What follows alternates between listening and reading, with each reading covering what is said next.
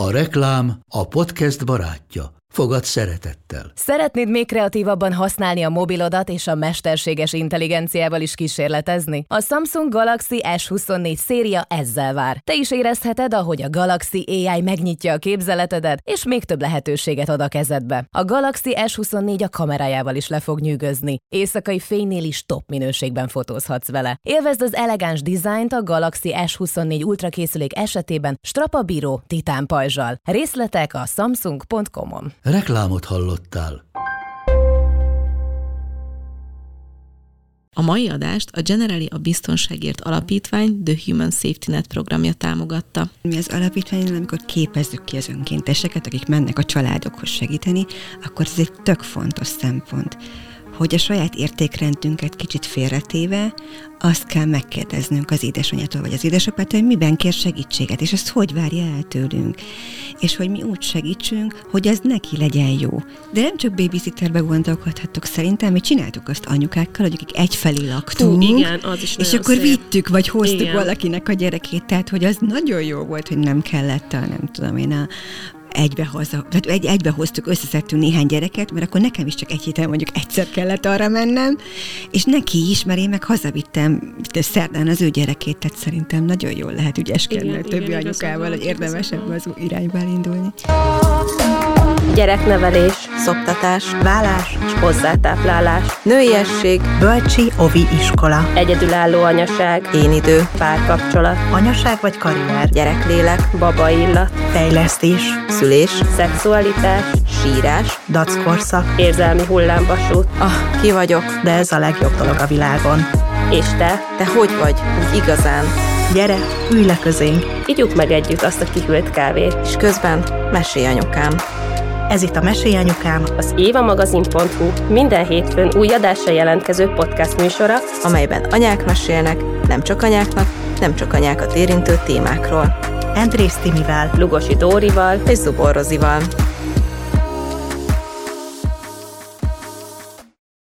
A tavalyi évhez hasonlóan idén ősszel is egy fontos kampányal próbál segíteni a Generali a Biztonságért Alapítvány, The Human Safety Net programja. Idén is szeretnék felhívni a figyelmet arra, milyen fontos a tehetség kibontakoztatása.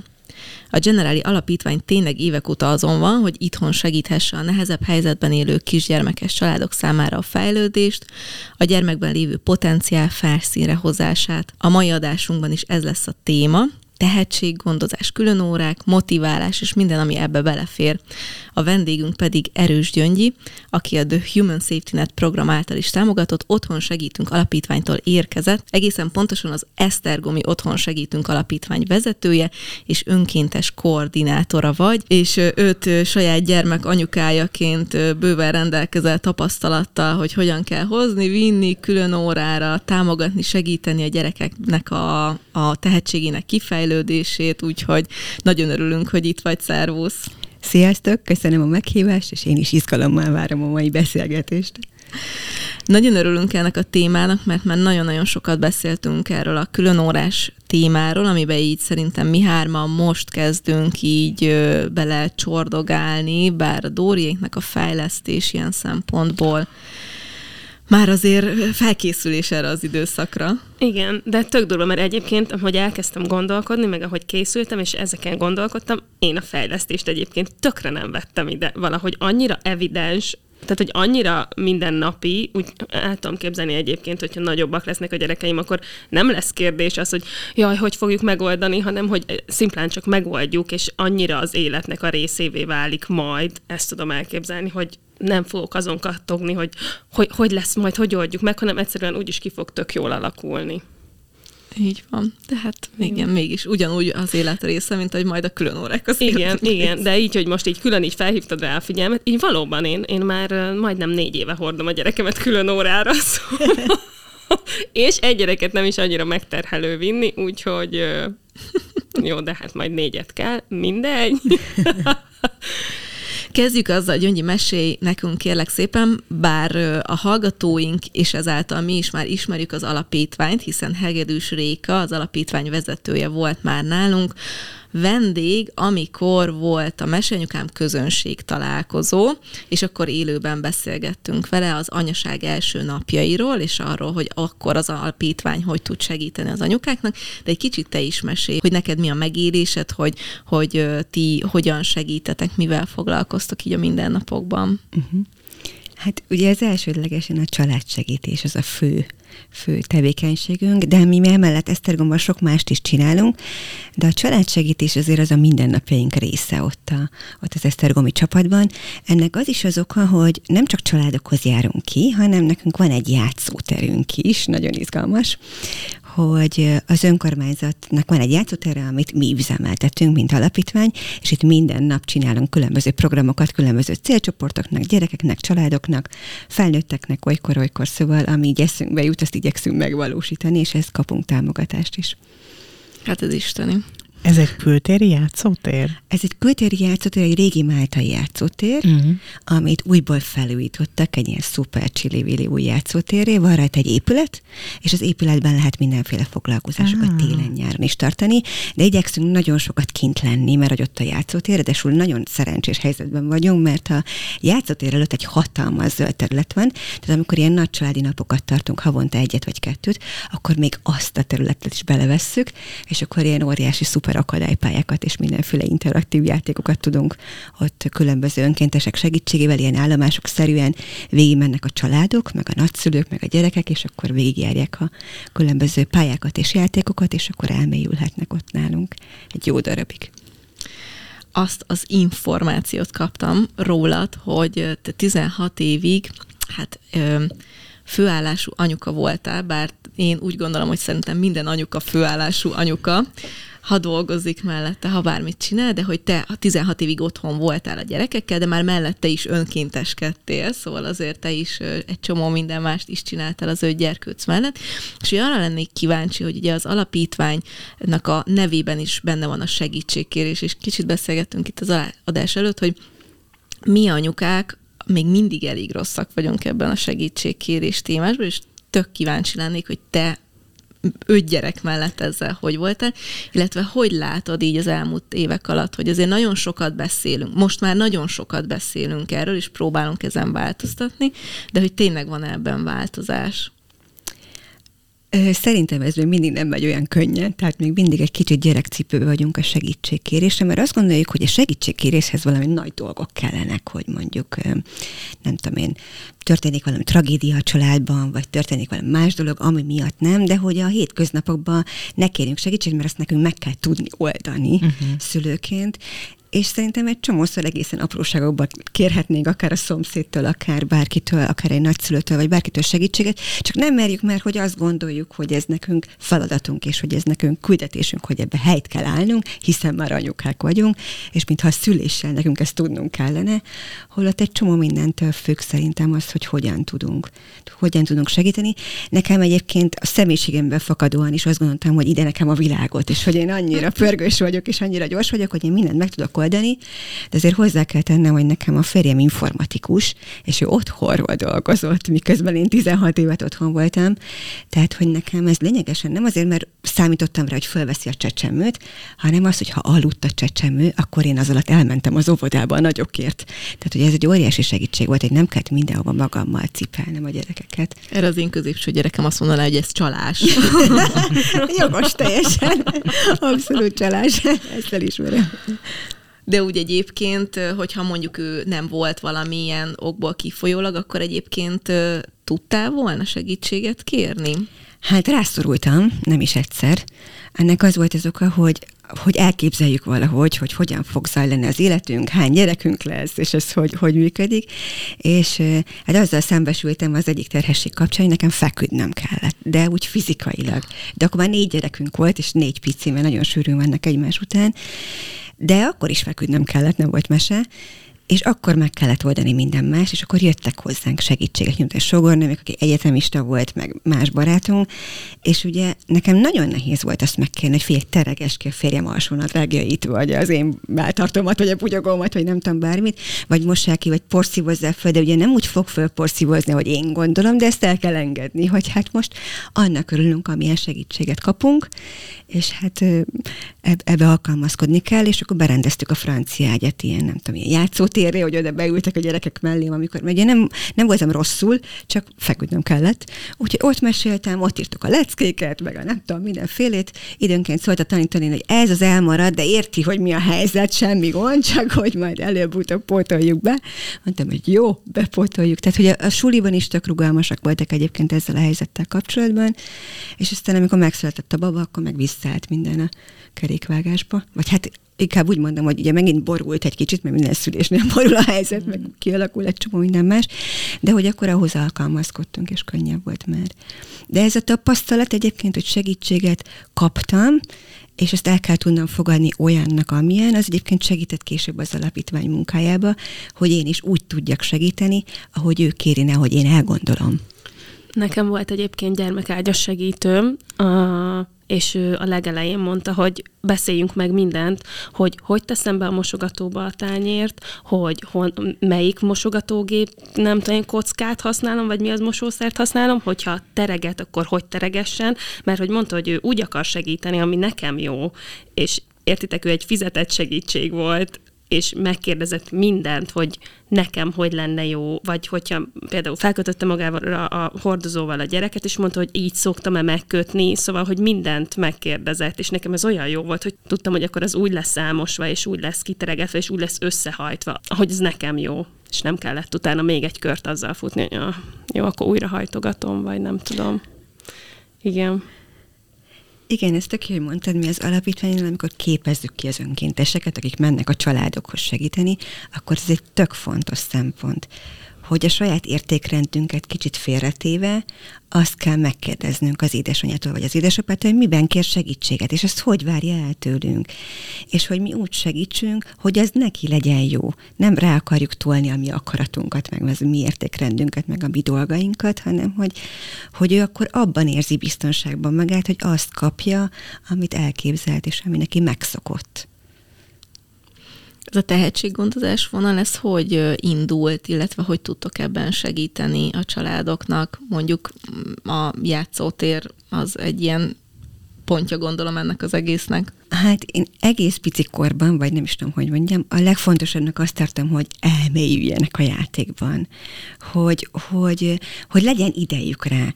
Nem fontos az, hogy mondjuk egy családi napunkon minden egyes állomáson végigmenjenek, és az összes pecsétet összegyűjtsék, vagy az összes matricát, hanem azt szoktuk mondani az önkénteseknek, hogy engedjék, hogy játszanak. És hogyha egy stannál megállnak, és ott játszanak egy órán át, az rendben van. És ugyanúgy a végén meg fogja kapni azt a kincset, vagy azt a kis ajándékot, ami jár neki a végén, mert nem számít, ez nem a, nem a mennyiségre megy, hanem a minőségre megy. És hogyha ő abba elmélyült, és jól érezte magát, és boldog mosolya jön oda a végén, akkor én azt gondolom, hogy elértük a célunkat. Mert hogy akkor ő valamit ott tanult, valami élménye van, valami öröme van, és akkor boldogan megy haza. Meg a szülő is.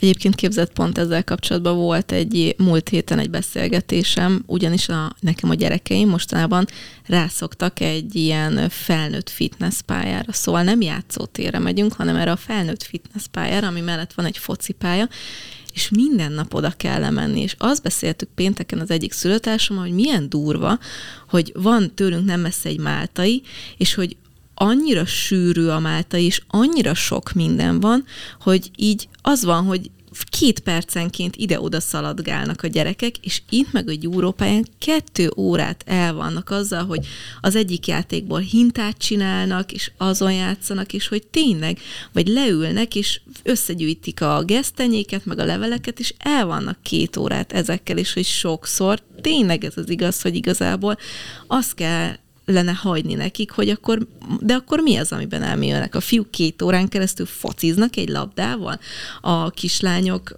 játszanak a gesztenyével, és hogy már igazából itt megjelenhet, hogy akkor utána milyen irányba induljunk el velük, nem? Ez szerintem nagyon jó, és tök jó hallani, hogy ilyen van, hogy hagyjátok, mert hogy azt tapasztalom, hogy nagyon sok szülő azt szeretné mindent is megadni a gyerekének. Tehát, hogy akkor mondjuk van egy családi napunk, és akkor, de menjünk tovább a következő állomásra, mert azt nem gyűjtöttük be azt, meg nézd meg, az milyen izgalmas, meg ilyen, és hogy nem, nem engedi meg azt a szabadságot, hogy, hogy, hogy ő abba el legyen, és hogy ott jól érezze magát. És ez jó hallani, hogy egy street workout pályán egyébként el van egy, egy akár egy autóval, vagy egy kavicsal, vagy egy botokkal, és épít magának bármi kunyhót. Szerintem annak, annak nagyon nagy jelentősége van, hogy hagyjuk, hogy játszhasson, és van rá ideje. Inkább az időszó, uh-huh. így, így időznék, hogy, hogy, hogy nem kell rohanni a suliba, ott meg kell csinálni délután a leckét, meg vannak elvárások, meg mindenféle, az ilyen picikorban annyira jó, hogy ezek még nincsenek meg, hanem hogy még van időtök arra, hogy tényleg játszhassanak. Hát persze, mert legtöbbször nem azért akar tovább menni a szülő, hogy a gyereknek jó legyen, vagy hogy minél többet lásson, hanem hogy ő saját magát lekösse meg, hogy ő nem tud ahhoz kapcsolódni, hogy fél órán át nézi, hogy kavicsokkal játszanak a gyerekek, ő is jól akarja magát érezni, és akkor menni akar tovább, és akkor hát, ha ott ő is tud játszani, ő is tud csatlakozni, úgyhogy ez sokszor nem arról szól, hogy a gyereknek mit szeretne, hanem arról, hogy ő is unatkozik, meg ő is jól akarja magát érezni. Ez így van, sőt, van, hogy a, a szülő annyira belemelegszik egy ilyen játékba, hogy ő akarja megoldani az összes feladatot. Igen. És akkor szólik, hogy te nyugodtan hagyjátok, hogy ő válassza ki a végén az ajándékot, meg hogy, hogy ő oldja meg azt a, azt a játékot, vagy azt az izgalmas kalandot. De egyébként jó fejek a szülők, letöször veszik a lapot, amikor így finoman így próbáljuk elterelni őket. Vagy igyekszünk a szülőknek is valami izgalmas feladatot kitalálni, és akkor ő addig el van, amíg a gyerkőc egész más csinál. Tök jó. Ö, és akkor fo- folytassuk ezt a tehetséggondozási irányt, hogy ezekből az ilyen játékos programokból, hogy lesz majd az, hogy indítsuk el a gyereket, nem tudom, sportirányba, kézműves irányba, művészeti irányba, zenés irányba, akár a saját példáddal is mesélt, mert azért gondolom az Jó. öt gyerekkel jártatok Aha. egy párféle külön órára, Ó, hogy, igen. hogy hogy jutottatok el melyikre? Hát Szerintem szülőként érdemes őket így megfigyelni játék közben. Tehát, hogy így titokba így lesni az ajtóból, vagy nem tudom, amikor nem vesz észre, amikor ilyen nagyon elmélyülten játszanak, hogy, hogy mi az, ami őket így izgatja, vagy érdekli. Hogy van, aki nagyon szeret építeni, mondjuk építőkockákban, meg legóból, meg playmobilból, meg mindenfélét, vagy, vagy a szerepjátékok inkább az, ami érdekli, vagy mennyire tud elmélyülten mondjuk valamit alkotni, hogy, hogy öt perc után félredobja a gyöngyfűzést, vagy pedig mondjuk órákon keresztül keresztül képes vele játszani, és neki ez a monoton tűrés, ez például baromi jól megy. Vagy abba él, éli ki a kreativitását, hogy rajzol, vagy fest, és hogy azt látom, hogy egész picinek, vagy azt tapasztaltuk egész picinek, még annyi minden érdekli őket egyébként, hogy érdemes nekik egy csomóféle lehetőséget megmutatni. Tehát, hogy nem is kifejezetten itt a fejlesztésre gondolok, hogy akkor most ezt most ma gyurmázunk, holnap gyöngyöt fűzünk, harmadiknak nem tudom, mit csinálunk, hanem hogy ami így jön az életetek folyamán, hogy még főztök, és odaülteted a pultra, adsz neki egy vágódeszket, és akkor jó, akkor most vagdos föl a, mit tudom én, a kenyérkenő kissel a gombát. Tök szívesen vagdossa. És hogy akkor az lesz a levesbe, tök büszke rá ráadásul, hogy hú, ezt a levest most én főztem félig meddig, és hogy, és hogy egyébként meg baromi sokat ügyesedett vele a keze. De ugyanígy mondjuk sütök, sütöttök valamit együtt, vagy akármi, és akkor ő gyúrja be a tésztát, vagy jó, akkor figyelj, most kiveszek ebből a tésztából, és te azt csinálsz belőle, amit akarsz, és azt kisütjük utána, és büszkén mutogatjuk majd a apának, a hazajön. Szóval, hogy szerintem mindenbe érdemes őket bevonni, amit titeket. Kimentek a kertbe kertészgetni, ült, ültettek virágot, akkor ő locsolja meg, ülteti be. És mi van, ha kicsit ferde lesz semmi? Tehát, hogy ez majd úgy kiegyenesíti magát a virág. Tehát, hogy, hogy érdemes velük nem, nem a tökéletességre törekedni, hanem hagyni őket, hogy, hogy az ők maguk is ügyetlenségükkel boldoguljanak, és akkor abba elinduljanak azon az úton, és ezt így megfigyelgetni. Szerintem sokáig érdemes őket figyelni, sok mindent megmutatni nekik. És utána abból már azért lehet sejteni, hogy ki az, aki türelmesebb, ki az, aki nagyon mozgékony, ki az, akit ebbe vagy abba vagy abba az irányba lehet terelgetni, és, és akkor még jön az a kérdés is, hogy mit hozunk otthonról a puttonyban. Mi az, amire mi jártunk?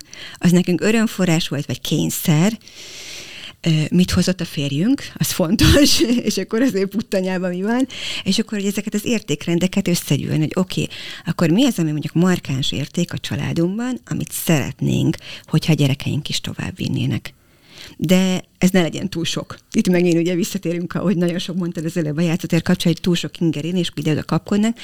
Hogyha van egy-kettő, amit így elindulunk, szerintem a fokozatosságon érdemes elgondolkozni, hogy szép fokozatosan. Mondjuk, ha iskolába kerül, akkor az baromi nagy változás az óvodához képest. Mi például elsőben semmire nem irattuk be őket.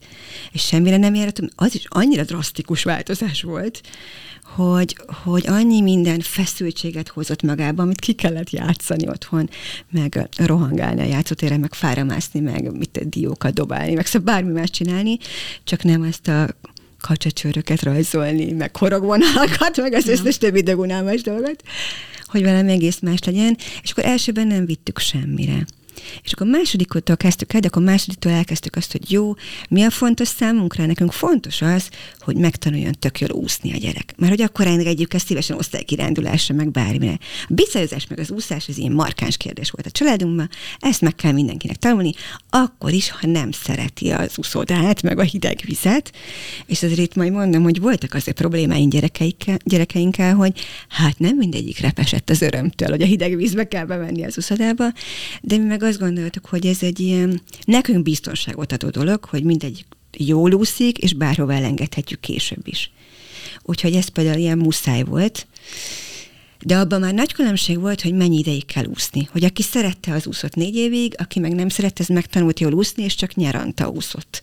És akkor az élvezeti rész ott volt, hogy akkor az, az neki örömforrás, de nem kényszerítettük azért hosszú éveken át azt, aki nem szeretett úszni. Uh-huh.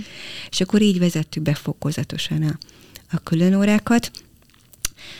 A másik ilyen markáns kérdés nálunk a zeneiskola volt, hogy mindketten a férjemmel jártunk zeneiskolába, és nekem a zene egy ilyen ö, nagy élmény, felnőttként is, hogy ezt 12 éve vezetek ilyen babama klubokat, ahol zenével is foglalkozunk, sőt, óvodában ilyen komoly zenei részt is becsempésztem már, ahol tanítok, hogy azt látom, hogy a zene az felszabadít, meg a stresszoldó, meg az éneklés, meg a mindenféle, és ezt, ezt otthon a családban nagyon megtapasztaltam, és ezt tényleg értékrendként tudom képviselni, hogy hú, ez egy jó vonal. Úgyhogy a zeneiskola nekünk bekúszott, és azt harmadik osztálytól kezdték el a gyerekek, és választhattak. És nagy család vagyunk, nem tudom, mennyire tapasztaljátok a testvérek közötti rivalizálást. Á, nem. Nem sincs. Na mindegy, Csak hogy... olvastam róla. Igen. Úgyhogy azt, azt gondoltuk, hogy ez egy jó út, hogy nem hasonlítgatjuk őket, mindenki olyan hangszert választ, amit szeretne, és reméljük, hogy egyik se választja ugyanazt a hangszert, mert akkor mi nem fogjuk összehasonlítani. Bezzeg a Júlcsi, meg a Rozi, meg a nem tudom kicsoda már úgy sokkal jobban fuvolázik, mint te. De egyébként hozzáteszem, hogy ösztönösen más hangszert választottak. Egyik se választotta ugyanazt a hangszert. Azt hittem egyébként, hogy úgy fogod befejezni a mondatot, hogy és reméljük, hogy egyik se választja a hegedűt. ja, erről majd mindjárt mesélek, mert választotta. De az micsoda nagy zenekar, hogy öt gyerek, öt különböző hangszeren, hát az már egész komoly kis koncert. Ez így van. És szoktunk együtt zenélni karácsonykor. Ó, de jó. Egy kicsit ilyen zenei családból is jövök, és a, a tesóimnak a gyerekei is mind zenélnek, úgyhogy ilyen kar, nagy karácsonyokon mindenki hozza hangszerét, és akkor a, az egyik bátyám, aki énektanár is, ő átírja különböző hangszerekre a karácsonyi dalokat, és akkor együtt zenélünk, meg énekelünk. Baromi jó. Az nagyon király lehet. De hegedűre visszatérve a legkisebbnek engedtük, hogy hegedüljön. Én egyébként azt gondolom, hogy nagyon türelmes vagyok sokáig, de ezt őszintén megmondom, hogy nem bírtam. Tehát három évig engedtük, szuper hegedűtanára volt, de én ezt nyekergés nem bírtam. Ezt beláttuk, igen, nem tudtuk, hogy azt gondoltuk, hogy jó lesz a hegedű, de nem volt olyan jó hallása, itt jön be a tehetségvonal egy kicsit, hogy hallja a nagy különbségeket, hogy hova csúsztassa az ujjait a hegedű húrjain, és nagyon sokszor emiatt hamisan játszott, és ezt én egy idő után úgy éreztem, hogy ezt nem bírom. Úgyhogy átvittük fuvolára, és ezt egyébként sokkal jobban csinálja, és ügyesebb is benne, és szeret is. Hogy így ezért ez, ez változott ez a vonal. nem tudom, hogy van-e olyan tapasztalatotok, és érdekelne egyébként kíváncsi lennék rá, hogy valamit elkezdtetek a gyerekekkel, és aztán volt elképzelésetek, hogy szerintetek ebben tehetséges, elkezdtétek, és aztán a gyerek ezt teljesen felrúgta. Van ilyen élményetek? Nekünk olyan, ho, olyan volt, hogy ö, mi a focit kezdtük el második osztályba, de azért, mert ő szerette volna, szóval akkor ilyen iszonyatosan nagy focilázban éget, mert ö, én megfogadtam, hogy nekem soha nem kell a gyerekeimnek sem olyat csinálni, amit nem szeretnek csinálni, mert ö, én nekem egyébként a zenélés egy ilyen muszáj volt, annak ellenére, hogy egyébként nagyon szeretem a zenét, de hogy nekem 11 évig kötelező volt uh-huh. zenélni, és hogy én akkor, akkor így megfogadtam még gyerekként, hogy ha majd egyszer gyerekeim lesznek, akkor, akkor semmit. Ö, de például visszautalva az úszás témára, az úszás nálunk ugyanilyen, hogy én is pont a múlt héten, meg az előtti héten is, meg az előtti héten is veszekedtem a fiammal erről, hogy csak addig kell úszni, amíg megtanul jól úszni. Utána nem kell, abba hagyhatja, de addig viszont tartom magam. Uh-huh. A foci viszont olyan volt, hogy az az ő kérésére, de tehát, hogy ő, ő így azt hitte, hogy majd első alkalommal minimum olyan gólokat rúg, mint a Messi, meg a Ronaldo, meg az Mbappé, meg még nagyon sokáig tudnám sorolni most már a focista neveket. És akkor így ebbe volt neki egy ilyen kis előlepedés, meg, meg nem viselte jól, hogy akkor heti kétszer télen-nyáron, mínusz 20 fokba, jó, nem volt mínusz 20 fok, de hogy hidegben, meg 40-ben is ö, járni kell edzésre, úgyhogy ezt így nem, nem viselte jól, és akkor egy fél év után mondtam neki, hogy akkor ezt most döntsük el, hogy ha minden hétfőn és csütörtökön rosszul leszel, meg fáj a hasad, és akkor ezért nem akarsz focira jönni, akkor inkább mondjuk le, szóval, hogy én ne, nem én akartam, és akkor ezért ö, egy pár hónapot így ezzel vártunk, hogy ne az legyen, hogy rögtön az elsőre, uh-huh. de akkor ezt így abba hagytuk. Uh-huh. Igen, ez szerintem fontos szempont, hogy legyenek szabályok, hogy meddig, meddig kell járni, vagy idézőjelbe teszem ezt a kell, de hogy, hogy a gyerekeknek az az elképzelés, hogy minden könnyedén megy. Uh-huh. És meg kell tapasztalniuk azt, hogy egyébként van benne kudarcunk, és hogy abból fel kell állni, és akkor nem megy minden azonnal szuperül jól, például egy hegedüléssel, meg egy zenetanulás, meg ott van a szolfés. Most vagy jó a szolfés tanár, vagy gáz, és akkor az ugye egy nem szeretem dolog, de sajnos most a zeneiskolában csak így lehet járni, hogy közben szolfésre is járnak. Nekünk egyébként olyan szuper szolfés tanárunk volt, hogy szerették a szolfést, képzeljétek el, mert ez egyébként részben matematika, és nekünk nagyon jól megy a reál, reál dolgok a fiúknak is, meg a lányoknak is, úgyhogy ők nagyon hamar rájöttek erre a matematikai oldalára, és hozzá kell egy jó hallás, és akkor meg könnyedén megy a szolfés is, de hogy kellett ehhez egy nagyon motiváló, meg egy nagyon lelkes tanár, aki a szenvedélyét beletette ebbe, és emiatt ezzel nagyon szerettek szolfésra járni, úgyhogy egy kicsit szerencsések voltunk a helyzetben. De volt olyan gyerekünk, akiről azt képzeltük, egy lányunk, hogy egész picinek kristálytisztán énekelt. És fú, ilyen szívmelengető volt hallgatni, hogy itt teritorokból otthon tolja a népdalokat is, meg a Krillus most, meg az összes többi ilyen műdalt. És akkor azt gondoltam, hogy na ez a gyerek, ez tehetséges, és hogy ezt akkor a zeneiskolában megtoljuk, és ha adunk neki, akkor népi énekre, meg furujára írottok meg olyan tanárokhoz, hogy fú, valami nagyon-nagyon jó. Na ez a gyerekünk hagyta leghamarabb abba a zeneiskolát. Tehát, hogy volt egy elképzelésünk szülőként, és aztán az élet teljesen felülírta, és mai napig otthon kiénekli magából a stresszt, 16 éves, hazajön és énekel, és tolja telitorokból, és nagyon szuper hallgatni, de nem szeretett zeneiskolába járni, és abba is hagyta. Uh-huh. Úgyhogy borult a rendszer.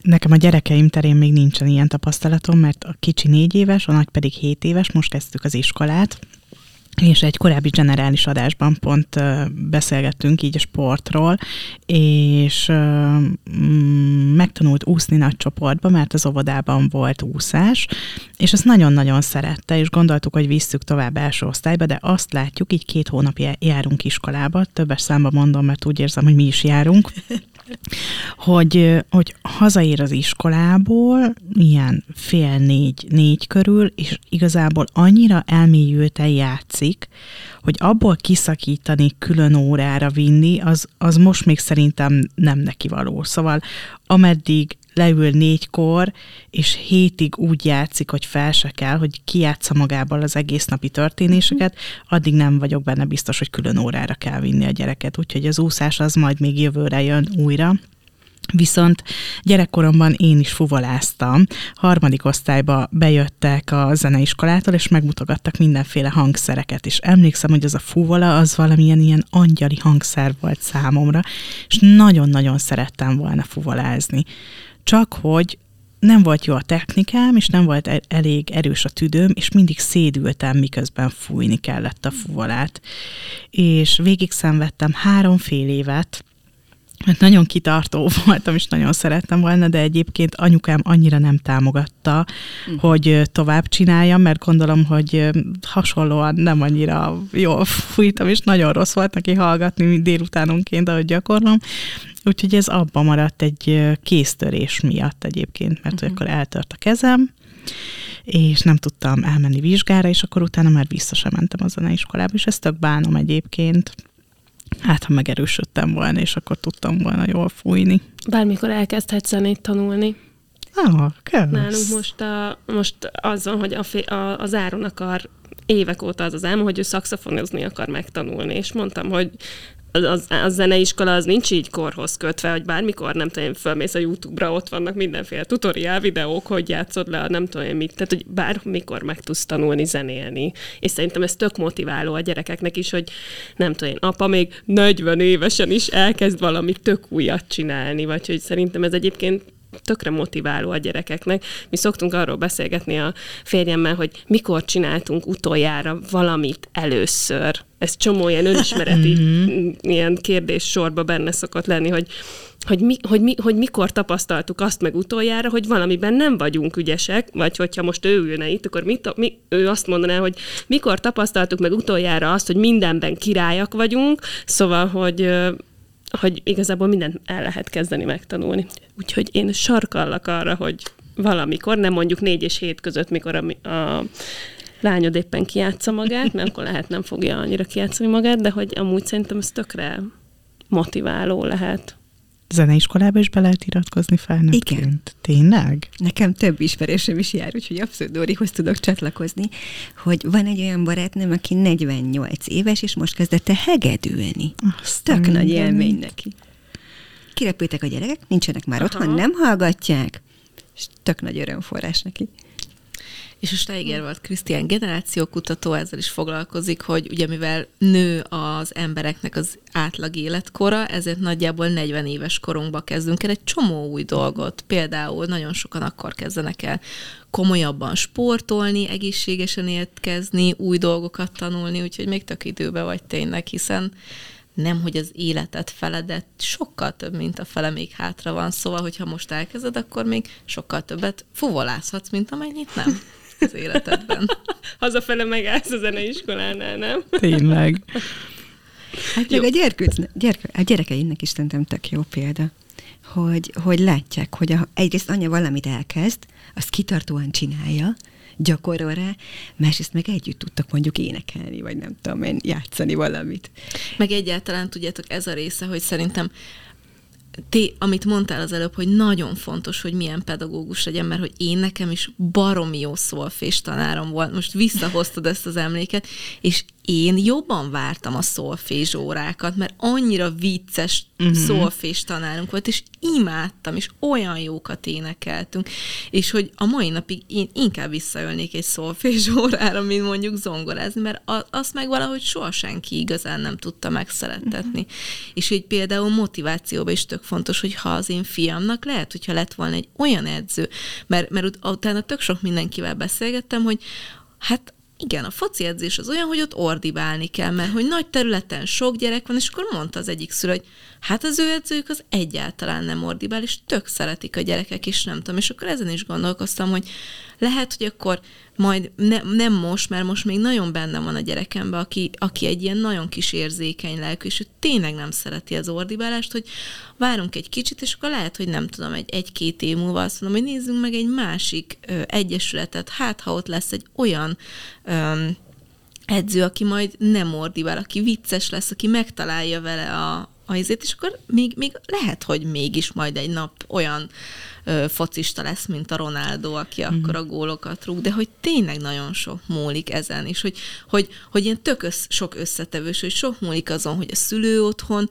mit tesz ehhez hozzá, egyébként az majd erről is beszélgessünk kicsit, mert én például tök kíváncsi vagyok, hogy az öt gyereknek a külön óráját hogy sakkoztátok össze, mert hogy nekünk, nekem például tök bevallom, hogy ez is nagyon nehéz volt, hogy amikor jött az a nem mínusz 20, de mondjuk nulla fokos hideg, én nekem ott volt egy, egy majdnem egy éves, meg meg egy három, vagy másfél éves, meg négy és fél éves kb. És ugye még a fiam edzett abban a nagy hidegben, a sötétben telente, nekem a két lányjal kellett ott lenni a focipálya mellett másfél órát a hidegben, mert nem volt annyi időm, hogy hazaérjek, meg visz, tehát hogy hogy azért ez mind, és nekem is nyug volt, és simán lehet, hogy, hogy azt, azt így ő is érezte, hogy jó, ordibálnak is, meg átlátom, hogy azért ez anyának is macera, és akkor a végén azt mondta, hogy jó, hagyom a fenébe az egészet. Igen, simán lehet egyébként, hogy egyébként a gyerekek nem buták, tehát ja. hogy tudják, hogy, hogy leveszik minden csatornán, hogy mi, mi hogy állunk hozzá, és mi az, ami nekünk macerás, vagy kevésbé macerás, de rengeteg ilyen élményem volt, én a fél életemet a zeneiskolában töltöttem, ott szoptattam, ott csináltam mindent, mert hogy ugye az egyik gyerek bemegy mondjuk a, mit a zongora órára, a másik meg mondjuk a, mit tudom, egy trombita órára, de hogy igazából ez sokszor nem egy időpontban van, mert nem tudom, voltatok-e már ilyen zeneiskolai órarend egyeztetésen, ott van az összeszülött terembe, és megy a sakkozás. Kinek, mikor, melyik időpont jó. És nem mindig kapod a legjobb időpontot, és akkor várakoznod kell, akkor ott írod a leckét a gyerekkel. Hmm. Az is macerás, mert mindenhova odafigyel, és akkor jó, de most írd már meg, és hogy ne este kelljen megírni.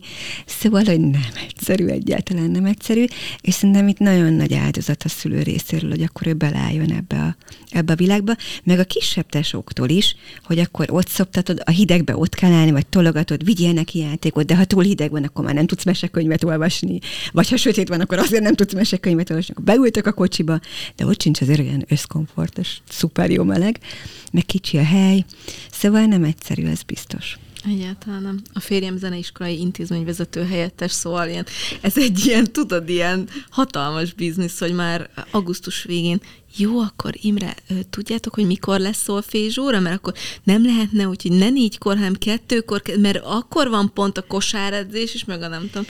Igen, őrült logisztika egyébként, és nálunk jártak sport, erről még nem meséltem, de sportolni is jártak a gyerekek egy idő után, mert hogy azt is szerették volna, meg örültünk, hogy, hogy akkor benne van a mozgás is, és a sportba is választhattak, hogy mit szeretnének, és ott se választották ugyanazt, Pontosabban olyan volt, hogy mondjuk a legnagyobb fiunk utána a negyedik, aki lány, ő választotta ugyanazt, na és ő nála is megint borult, hogy azt gond, vívott a legidősebb. Fú, a vívás az milyen elegáns sport, meg hogy mennyi mindent fejleszt, meg hogy fú, szóval nagyon jó. És egyébként introvertált az a nagy fiunk, tehát pont jó is volt neki, hogy nem akart csapatsportot, nem akart focizni, de mindegy, és akkor vívinik ezzel, és a negyedik gyerekünk is elkezdett vívni, és azt gondoltuk, hogy olyan kicsit olyan harciasabb természet, majd neki pont jó lesz, hogy kardozik, és akkor oda vág meg riposzt, stb. Nagyon-nagyon jónak tűnt.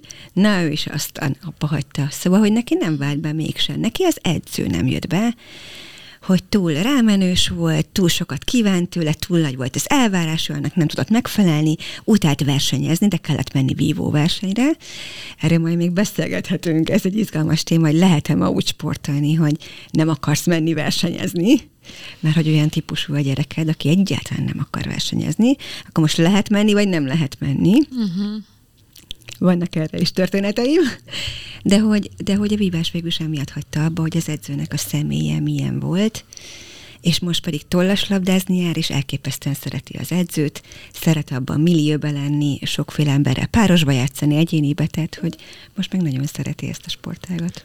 Én ö, dolgoztam egy hokiklubnál, és emlékszem, hogy volt olyan, hogy évközben változott meg az edzésnek az ideje, és ott, Jézusom. ott, ott forrongott, nem tudom hány szülés, tudjátok, én így mentem, és mondom, aj, most nem kell zenizélni, hogy négy helyet öttől van az edzés, és akkor most, mikor egy csomószor így visszagondolok, hogy én lettem volna az első, aki áttöri a kordont, hogy akkor, mert hogy már értitek, nem tudom, beáll a rendszer, pont beállt a rendszer, két hónapja mentünk ugyanaz az időpont, hát akkor el kell csúsztatni és akkor nagyon, és elhiszem, hogy egyébként mindenki ki volt, mert én is már most azon gondolkozom, hogyha ezek nem fognak egy sportra járni, már pedig nyilvánvalóan nem fognak, akkor, akkor hova, kit viszek? Nekem az a szerencsém, hogy azért a férjem az há, ötből három délután mondjuk otthon van, De hogy mondjuk én tökre Most még. Tudom, most még, és reméljük, hogy az így is marad.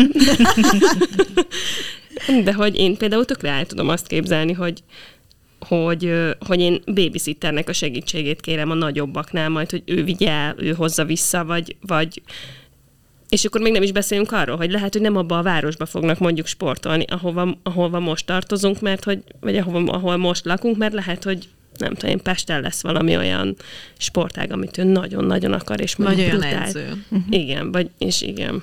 De nem csak babysitterbe gondolkodhattok szerintem, mi csináltuk azt anyukákkal, hogy akik egyfelé laktunk, Hú, igen, az is és akkor szép. vittük, vagy hoztuk Igen. valakinek a gyerekét, tehát hogy az nagyon jó volt, hogy nem kellett a, nem tudom én, a egybe haza, tehát egy, egybe hoztuk, összeszedtünk néhány gyereket, mert akkor nekem is csak egy héten mondjuk egyszer kellett arra mennem, és neki is, mert én meg hazavittem de szerdán az ő gyerekét, tehát szerintem nagyon jól lehet ügyeskedni Igen, a többi igen, anyukával, hogy érdemes igazad ebbe az irányba elindulni. Csak itt jön az, hogy, hogy tudsz egy ilyenre segítséget kérni, mert hogy nekem már volt olyan, hogy nem tudom, nem értem négyre az iskolához, és akkor mondta a férjem, hogy de kérdezd meg a gyerek barátjának az anyukát, hogy nem tudja el hazadobni, hát egy saroknyira lakunk egymást, és akkor így, de nem már, mert hogy akkor rögtön úgy érzem, hogy akkor én macera vagyok, meg akkor most ő neki, szóval, hogy, hogy, hogy ez meg tök nehéz, szóval, hogy régen valahogy így bátrabbak voltunk ebbe, de hogy most meg nagyon nehezen kérsz ilyenbe segítséget, mert valahogy nem. De akkor is, hogyha van már egy ilyen tapasztalatod, mint azt, az első lépés szerintem nehéz megtenni.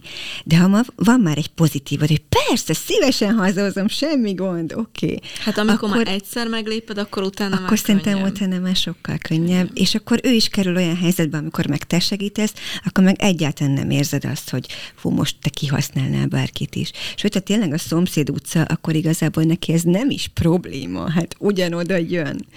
Az, hogy most egyel több gyereket ültet be a kocsiülésre, szerintem az nem kérdés, az egy perc mondjuk pluszba bekötni. Nem, abszolút. Meg a, ugye, amit beszéltünk az adás előtt is, ez a szomszédnén is például, hogy nálunk van egy szomszédnén, aki mindig mondja, de Rózikám, miért nem szólsz? És akkor így, hát mert így, mert olyan terhesnek érzem, hogy akkor most, meg, meg olyan, van az emberben egy ilyen, ah, ezt se tudom megoldani. Hát pedig hát jön az a társadalmi válasz, hogy hát nem a szomszédnak szültem, a há- hát nem igaz, hogy nem tudom a három gyereket, haza kell csak hozni őket, és akkor nyilván haza tudom hozni, de mondjuk könnyebb, hogyha az alatt a negyed óra, vagy arra a negyed órára nem kell télen fölöltöztetni a két kicsit, hanem csak elugrok az egy nagyér, mert éppen a két kicsi otthon betegen van, vagy, vagy éppen elmélyülten játszanak. Na hát az, az a kedvencem, amikor Ó, induljunk el a nem, nem, ők jók játszanak. Igen, és nagyon nehéz abból kizökkenteni őket. És ráadásul az embernek úgy összeszorul is a szíve, Igen. hogy ó, Igen. milyen szuper ő játszik, és akkor meg kell borítani ott. Meg a másik az, ja mondjad, Csak azt akartam mondani, hogy a, szerintem a három gyerek után a négy gyereknél van egy ilyen nagy lépés, mert emlékszem, hogy én is hár, amikor a, a tehát, hogy sokkal nehezebb volt három gyerekesként segítséget kérnem, mint most négy gyerekesként, mert tudom, hogy minimum kettő gyereket megszivatok azzal, hogyha nem, nem szólok an- annak az anyukának, aki egyébként másfél utca, ott lakik a másik utcában, hogy figyelj, hozd már el a nagy gyerekemet, mert hogy egyébként be tudnék menni, csak akkor be kell őket ültetni, akkor kell valami nasi, akkor még át kell öltözni, nem tudom, és hogy igazából, amikor így igen, szóval szerintem ez a háromról négyre van egy ilyen, na jó, ezt akkor, akkor inkább beleállok abba, hogy Léci, hozd el a gyerekemet, mint abba, hogy akkor én nem ültetek be két gyereket azért, mm-hmm. hogy csak elhozzam, meg visszahozzam. Úgyhogy ott, ott én érzek egy ilyen határt. Meg buli is. Én azt láttam, hogy tök szívesen jönnek a szomszéd gyerekkel haza, mert hogy akkor bandáznak. Mm. Akár gyalog, és akár biciklivel, vagy akár az autóba bekötve, de hogy akkor valami izgalmas történik, valami más, és akkor kérdezik, hogy na és mikor jöhetek megint a Pistivel haza? Tehát, hogy nekik az buli is, úgyhogy időnként érdemes kipróbálni ezt a lehetőséget. Különleges alkalom, ahogy a lányom mondaná ezekre, hogy Igen. mikor lesz megint ilyen különleges alkalom. De szépen fogalmazza meg, ez tök jó. De egyébként ez a három gyerekes dolog, tényleg mondasz valamit, mert ez, ez a határmesdje, mert nálunk például most az elmúlt három hétben volt olyan, csak hogy felülírjam az eddig mondottakat, hogy volt olyan, hogy, hogy nem értem oda az egyik gyerektől a másikhoz, meg a másiknak nem volt kedve jönni az egyik gyerekért, és akkor így a, ott a téren én vagyok, tudjátok, a három gyerekes anyuka, akinek azért már így kell néha segíteni, hogy tudják, hogy a legkisebb az majd a földre dobja magát, meg nem tudom. És volt olyan, hogy az óvodástársnak az anyukája vigyázott az ovisra, és akkor mondta, hogy majd, hogyha kijön az iskolás, akkor fogja mondani, hogy mindjárt jön anya, csak elment a bölcsibe, és akkor így mondtam este a férjemnek, hogy mondom, a három gyerek három különböző helyen volt, és hogy ilyen pár, mit tudom én, 100-200 méteres körzetbe voltunk, de hogy, hogy, így, hogy így éreztem, hogy, hogy most ez az, az, hogy szükségem van arra, hogy segítsenek, mert hogy így nem tudom máshogy megoldani. És hogy jó, jó érzés volt, hogy segítettek. Hát egyrészt, mert ezt felfedezted a határaidat, hogy aha, ennyit bírok, és egyébként egy személyként három helyen nem tudok egyszerre lenni, tehát ezt valahogy meg kell oldani ezt a problémát. Igen. Ugye két kezünk van, de három már nincsen. Igen. Tehát, hogy muszáj. Egyébként nekem is a háromról a négyre volt, ott éreztem egy ilyen nagy váltást. A négyről az ötre már nem. Tehát, hogy ez már, az már nem volt probléma, de háromról a négyre, az, arra én is emlékszem, hogy az, az úgy valahogy nehezebb volt, pedig minden szakkönyv azt írta, hogy, azt írta, hogy a kettőről a háromra nehéz. Igen, ez, ezzel én is ugyanígy vagyok, hogy ezek átvertek engem, mert mindenki tényleg azt írta, és én emlékszem, hogy én mondtam is egyszer az Áronnak, hogy hú, hogy amikor kettőről háromra nőtt a gyerekeink száma, hogy na, hogy ez melós, de amikor háromról négyre, akkor így azt mondtam, hogy úristen, hogy itt, itt most ebbe teljesen elvesztem, hogy még a háromnál megvoltak, nagy, megvoltam én valahol az egészben, de hogy négynél így totálisan elvesztettem azt, hogy mi van, és mindenhol azt hittek, hogy jaj, majd a negyedik felneveli önmagát, meg majd nem tudom. Nem, ez nem így van. Kamuznak. Ez így van. Igen. De a jó hír szerintem az, hogy ugye nőnek föl, és egyre nagyobbak, és egyre önállóbbak. Tehát, hogy nem kell mindenhova mindig elvinnünk őket, hanem, hogy egyre ügyesebbek, és hagyni is kell őket, mert egyébként nekik a sikerélmény, hogy figyelj, most én egyedül mentem el a zeneiskolába, vagy az úszodába egyedül öltöztem át, és föl tudtam menni az úszósapkát is a hosszú hajámra, vagy be tudtam tuszkolni, vagy mer ott segítséget kérni valakitől. Akár az edzőn, azt láttam, hogy tök rutinosan rakják rá az úszósapkákat a gyerekekre, akik, akik egyedül mennek. Tehát, hogy nem kell nekünk mindent megoldani, hanem hogyha megtanítjuk őket az önállóságra, akkor ők maguktól is egy csomó mindent már meg tudnak csinálni. Meg egyébként, ahogy nagyobbak lesznek a gyerekek, legalább én, legalábbis én azt veszem észre magamon, hogy úgy könnyebben kérek segítséget, mert hogy nem, nem a pici kémre kell vigyázni, hanem, hanem már az iskolásomat fogja áthozni ő az úttesten, amíg én a másikért vagyok.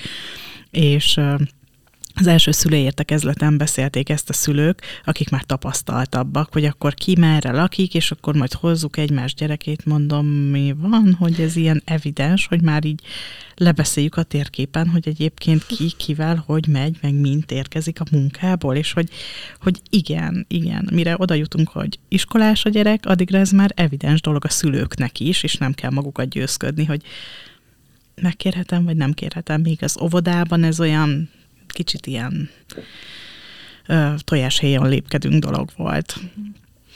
Ez a nagyvárosi lét valahogy nem is tudom, hogy azon, azon a gyalog, hogy valahogy itt a városban hiába vagyunk sokkal többen kis területen, de valahogy mondjuk ez vidéken sokkal jobban megy, ahol mindenki ismeri egymást. Én a szembeszomszédot mondom mindig, hogy van, hogy nem is köszönünk egymásnak, de a nevét az biztos, hogy nem tudom. Szóval, hogy mert hogy egyszerűen annyira elidegenedtünk egymástól, és hogy ez olyan fontos lenne tényleg nyitni, hogy, hogy az óvodába is én most voltam először olyan óvis szülői értekezlete, hogy leültünk, és akkor úgy kezdett, hogy mindenki elmondta, hogy kinek a szülője vagyok, és nem tudom, és akkor tudom, amikor tudsz arcot kötni a gyerekhez, és hogy, hogy, hogy ezek ilyen nagyon fontosak lennének, hogy annyira rohanunk, annyira elidegenedünk, nem beszélünk egymással közben, meg tök jó lenne újra nyitni egymás felé.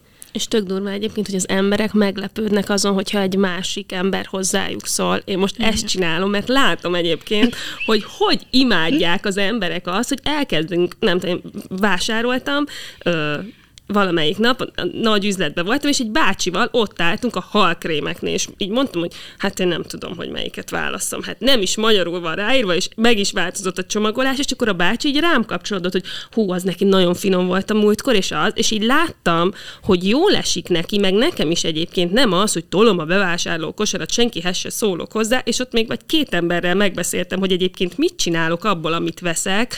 Szóval, hogy így tök jól esett az, hogy, hogy nem csak így bementem a boltba, végtoltam a kosarat, nem néztem senkinek a szemébe, és kijöttem, hanem így kapcsolódtam emberekhez, és, és, és én most egy ideje így ezt, eb, ezt ebben lépem át így a határaimat, hogy nyugodtan meg lehet kérdezni valakitől amúgy, hogy mennyi az idő, vagy hogy van-e egy zsebkendője, vagy mit tudom én, attól, szóval, hogy nem idegenek vagyunk, mindannyian emberek vagyunk, és hogy ez tökre ilyen, nem tudom, ilyen nem tudom, én, én azt látom, hogy én jobban érzem tőle magam, és azt látom, hogy a másik is jobban érzi tőle magát, hogy így kapcsolódás van. Igen, hát, szerintem érdemes, tehát hogy, hogy ezekben érdemes így feszegetni a határokat időnként, de egyébként egy kisvárosban ez könnyebb. Ott ha akarsz, akkor, akkor ha el akarsz menekülni, akkor se tudsz.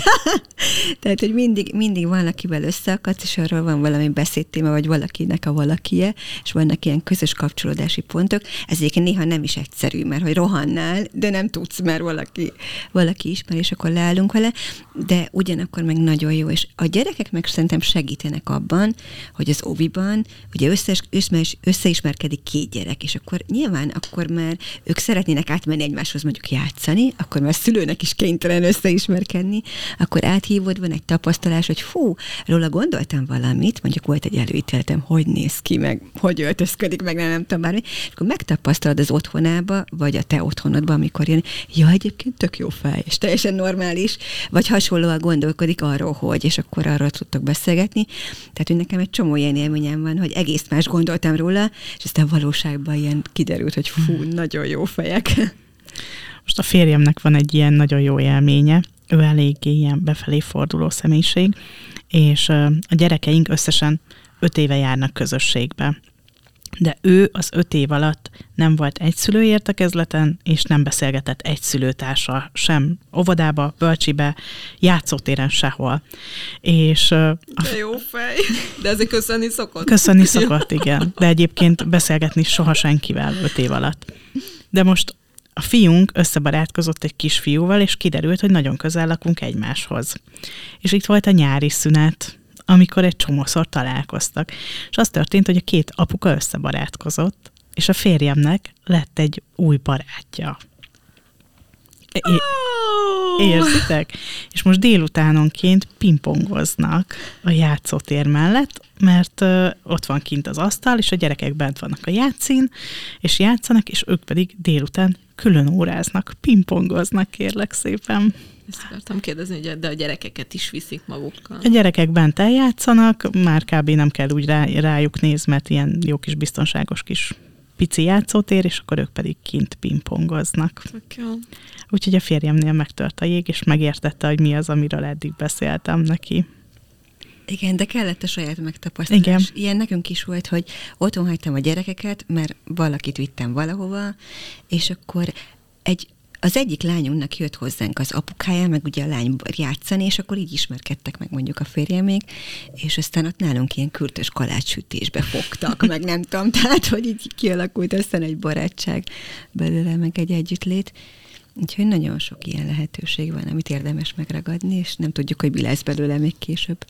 És elmondod, hogy titeket így alapítványi szinten, hogy lehet elérni a segítségeteket igénybe venni, kiknek tudtok segíteni, mibe tudtok segíteni? Persze, nagyon szívesen.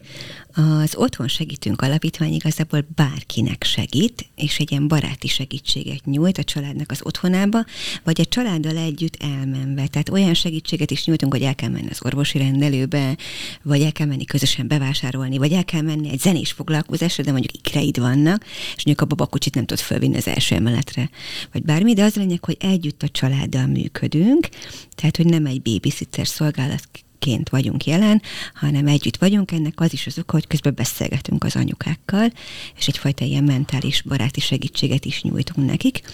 Mindenhova megyünk segíteni, ahova hívnak. Itt fontos a segítségkérdés, hogy mondjuk a Rozi nem hívhat föl engem, hogy kéne a Dórinak segíteni, mert a saját magának kell kérni a segítséget. Ennek ugye van egy tudatos része, hogy ő felismeri azt, hogy neki szüksége van a segítségére, és ő maga kéri olyanba azért futottunk már bele, hogy apuka hívott föl, hogy szerinte neki a fel, feleségének szüksége van a segítségre, mm. és a feleség nem tudott róla, az elég kínos. De aztán ugye kiderült, és amikor kiment a koordinátor a család otthonába, akkor azért szembesült ezzel a helyzettel, és örült egyébként az anyuka a segítségnek, csak hát ezért fontos szempont, hogy a, a házaspár megegyezzen ebbe, hogy jön a család otthonába valaki. Olyan helyre megyünk, ahol hat év, alatt, hat év alatti gyerek van legalább egy, annál nagyobbak lehetnek, az nem probléma, de hogy egy-hat év alatti kisgyerek legyen, hiszen elsősorban kisgyerekes családokra koncentrálunk, de hogy milyen segítséget kér, abban már nagyon nagy különbségek vannak. Születik egy kis testvér, se, nem ismer senkit, idegenként költözött abba a városba, vagy a nagyszülők még aktívan dolgoznak, vagy nincsenek nagyszülők, vagy egyedül érzi magát, vagy szóval bármi, nagyon-nagyon sok oka lehet annak, hogy segítséget kér. Ez mindegy, hogy szegényebb család, vagy gazdagabb, ilyen jó módú, vagy kevésbé, van egyébként más segítsége, van, van nagyszülő mellette, mert lehet, hogy neki még a fölött is kell segíteni, mert hogy úgy érzi, hogy most úgy meg van zuhanva, és neki szüksége van arra pár hónapra. És akkor úgy történik, hogy felhív minket telefonon, vagy ír egy e-mailt, kimegy a koordinátor a család otthonába, és elbeszélget az anyukával, hogy, hogy miben kér segítséget. Ott azért megfigyeli, megnézi, hogy milyen környezetben van, tényleg miben kér segítséget, és mivel a koordinátor képezte ki az önkénteseket egy 50 órás képzés kapcsán, ezért ő nagyon jól ismeri az önkénteseit, és tudja, hogy kit kivel lehet összepárosítani. Már ezen azért nagy hangsúly van, ugye, hogy valaki bemegy egy idegenként gyakorlatilag egy családnak az otthonába, és ott ki kell, hogy alakuljon a bizalom. És fontos, hogy milyen személyiséget rakunk, rakunk össze, úgyhogy itt, itt van fontos szerepe van a koordinátornak, de egyébként legtöbbször nagyon jól alakul, és nagyon-nagyon jól összebarátkozik a család, sőt annyira, hogy egy ilyen pótnagszülőként működnek sok esetben a, az önkéntesek, annyira megszeretik a gyerekek is, meg a, meg a család is, hogy nagyon nehezen válnak el, és nehéz az elszakadás, de körülbelül három hónapot vagyunk egy családnál, az a célunk, hogy az anyuka megtalálja a saját útját, és ebben segítünk.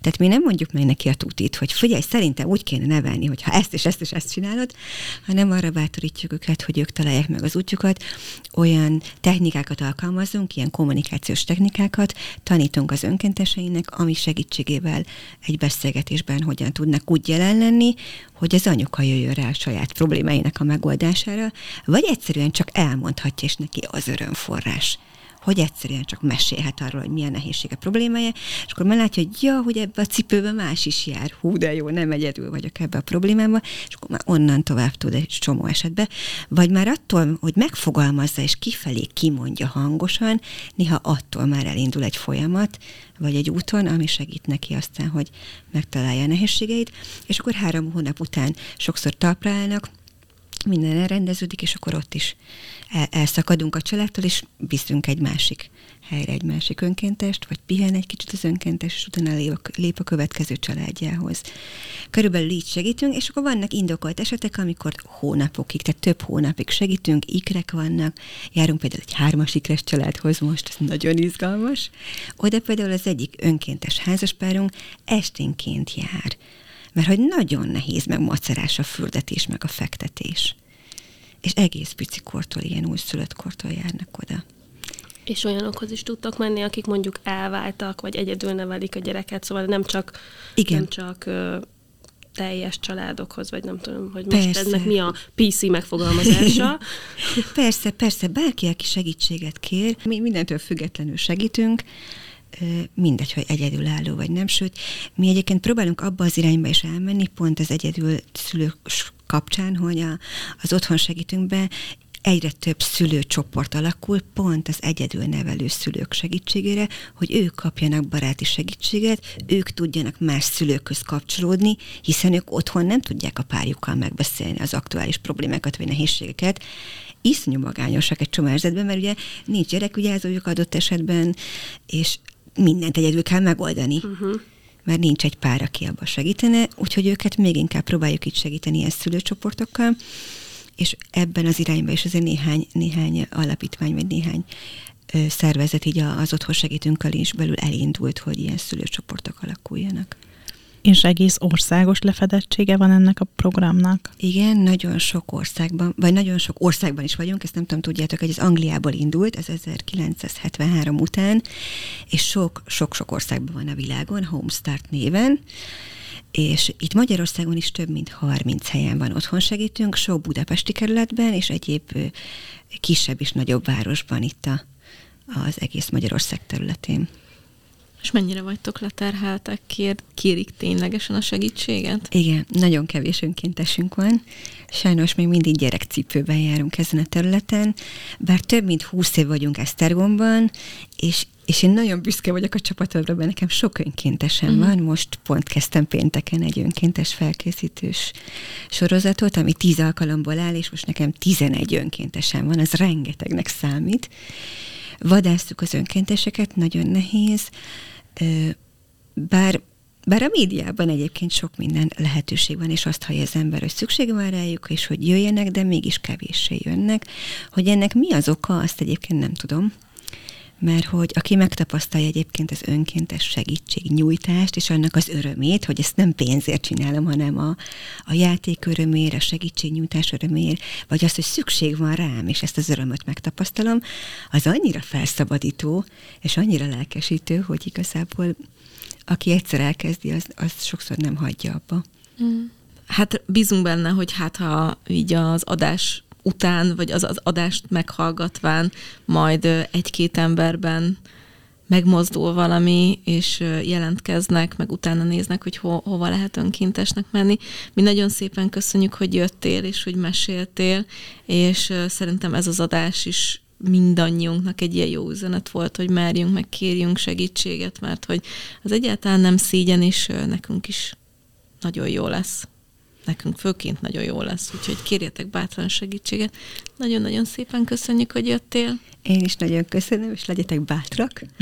Nézzétek a gyerekeiteket, csodáljátok őket, meg mélyüljetek el bennük, és hogy, hogy egy ilyen nagy örömforrás legyen az, hogy ha bármiben is ügyes, vagy lelkes, vagy tehetséges, vagy egyszerűen csak öröm neki az, amit csinál, akkor is, ha nem tehetséges benne, akkor hagyatkozzatok erre az érzésre, és merjétek ezt felvállalni, és segíteni őt ebben, és köszönöm a meghívást. Köszönjük mi is. A hallgatókkal pedig egy hét múlva újra találkozunk. Sziasztok! Sziasztok! Sziasztok! A mai adást a Generali a Biztonságért Alapítvány The Human Safety Net programja támogatta. Ha még nem elég belőlünk, kövessetek minket TikTokon vagy az Instagramon, de Facebookon szintén Mesélyanyukám néven megtalálható zárcsoportunkhoz is csatlakozhattok. Vagy, ha szeretnétek, e-mailt is írhattok nekünk az infókukat évamagazin.hu e-mail címre.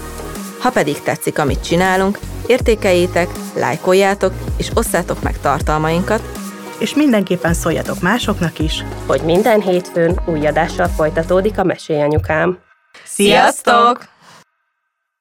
A műsor a Béton partnere.